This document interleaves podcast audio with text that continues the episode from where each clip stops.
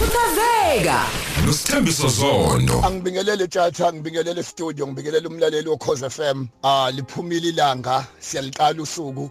Olusha. uNkulunkulu engathi ngabusisa umama ubaba ubhuti usisa akubusisa uphuma akubusisa ungena. Into engizoyikhuluma namhlanje kakhulu angizile ukuzokhuluma into eziningi ngikhuluma izinto ezimbili engasiza umAfrika phansi komthunzi welanga. Singakubalekeli ukuthi singama-Afrika. Seyigade imfundo ingabususa ubuzwe bethu. Seyigade nenkolo ingabuqedi ubuzwe bethu.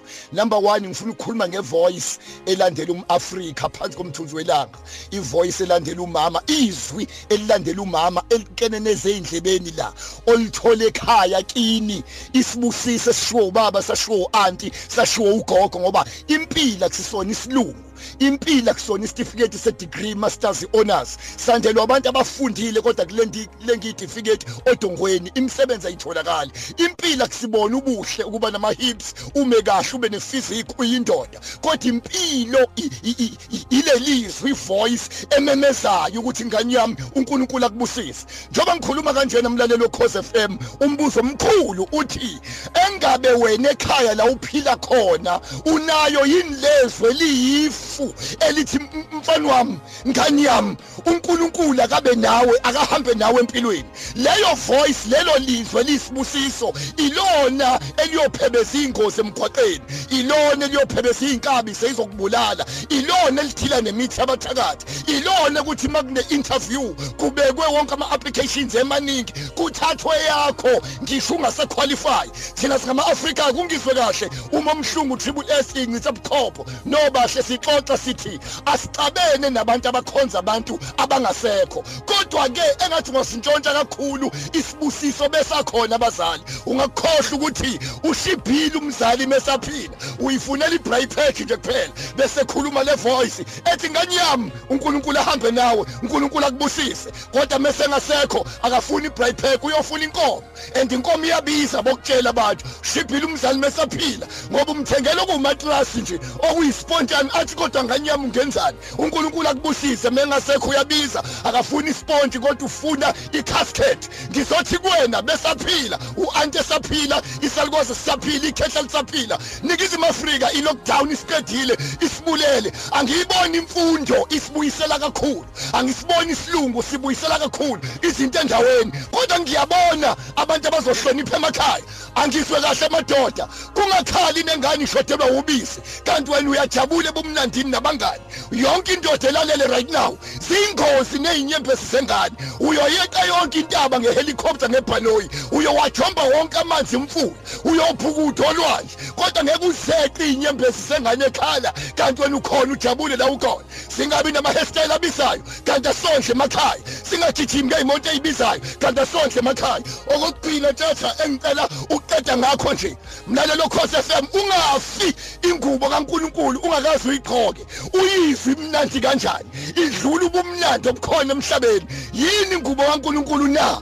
Ukuthi uma uzokwenzela umuntu into enhle umuzwe kubiza ngoNkulunkulu. Athi uNkulunkulu wamoswa ngisiza kanti uNkulunkulu njani uthi udlamini umkhise ucela umdletshe wenzela umuntu into. Agijima umuntu anyuke endlini yesonto ngomgqibelo anyuke endlini yesonto. Ngesunday athi bazalwane into engiyenzela uNkulunkulu ngeke nikhona kodwa yenziwa ngoNkulunkulu yenziwa wena kanti ayenziwa ngowena yenziwa uNkulunkulu akuyena uNkulunkulu oyenzile wena kodwa kusiwena kodwa uNkulunkulu kodwa kuyena uNkulunkulu yenziwa wena kodwa njalo akusiwena yenziwa uNkulunkulu ukuthi uhlale esikhaleni sikaNkulunkulu wezwa ukuba uNkulunkulu phansi komthuzi welanga. Bangaka abantu bahlebile bangaka abantu bakhalisile bangaka abantu basusile emhlabeni bangaka abantu bagulisile usube usathana isikhathi eside ungafunga kahle ube uNkulunkulu. Ngifuna ukuqeda ngaleli lithi kwakona lokho esinako vele phela kusikona kwethu kodwa sikunikezwe uJehova. Uthi uDavide mekhuluma uthi inkosi kwaloko enginako ngikuthathe kuwe futhi ngikuphithithela kuwe.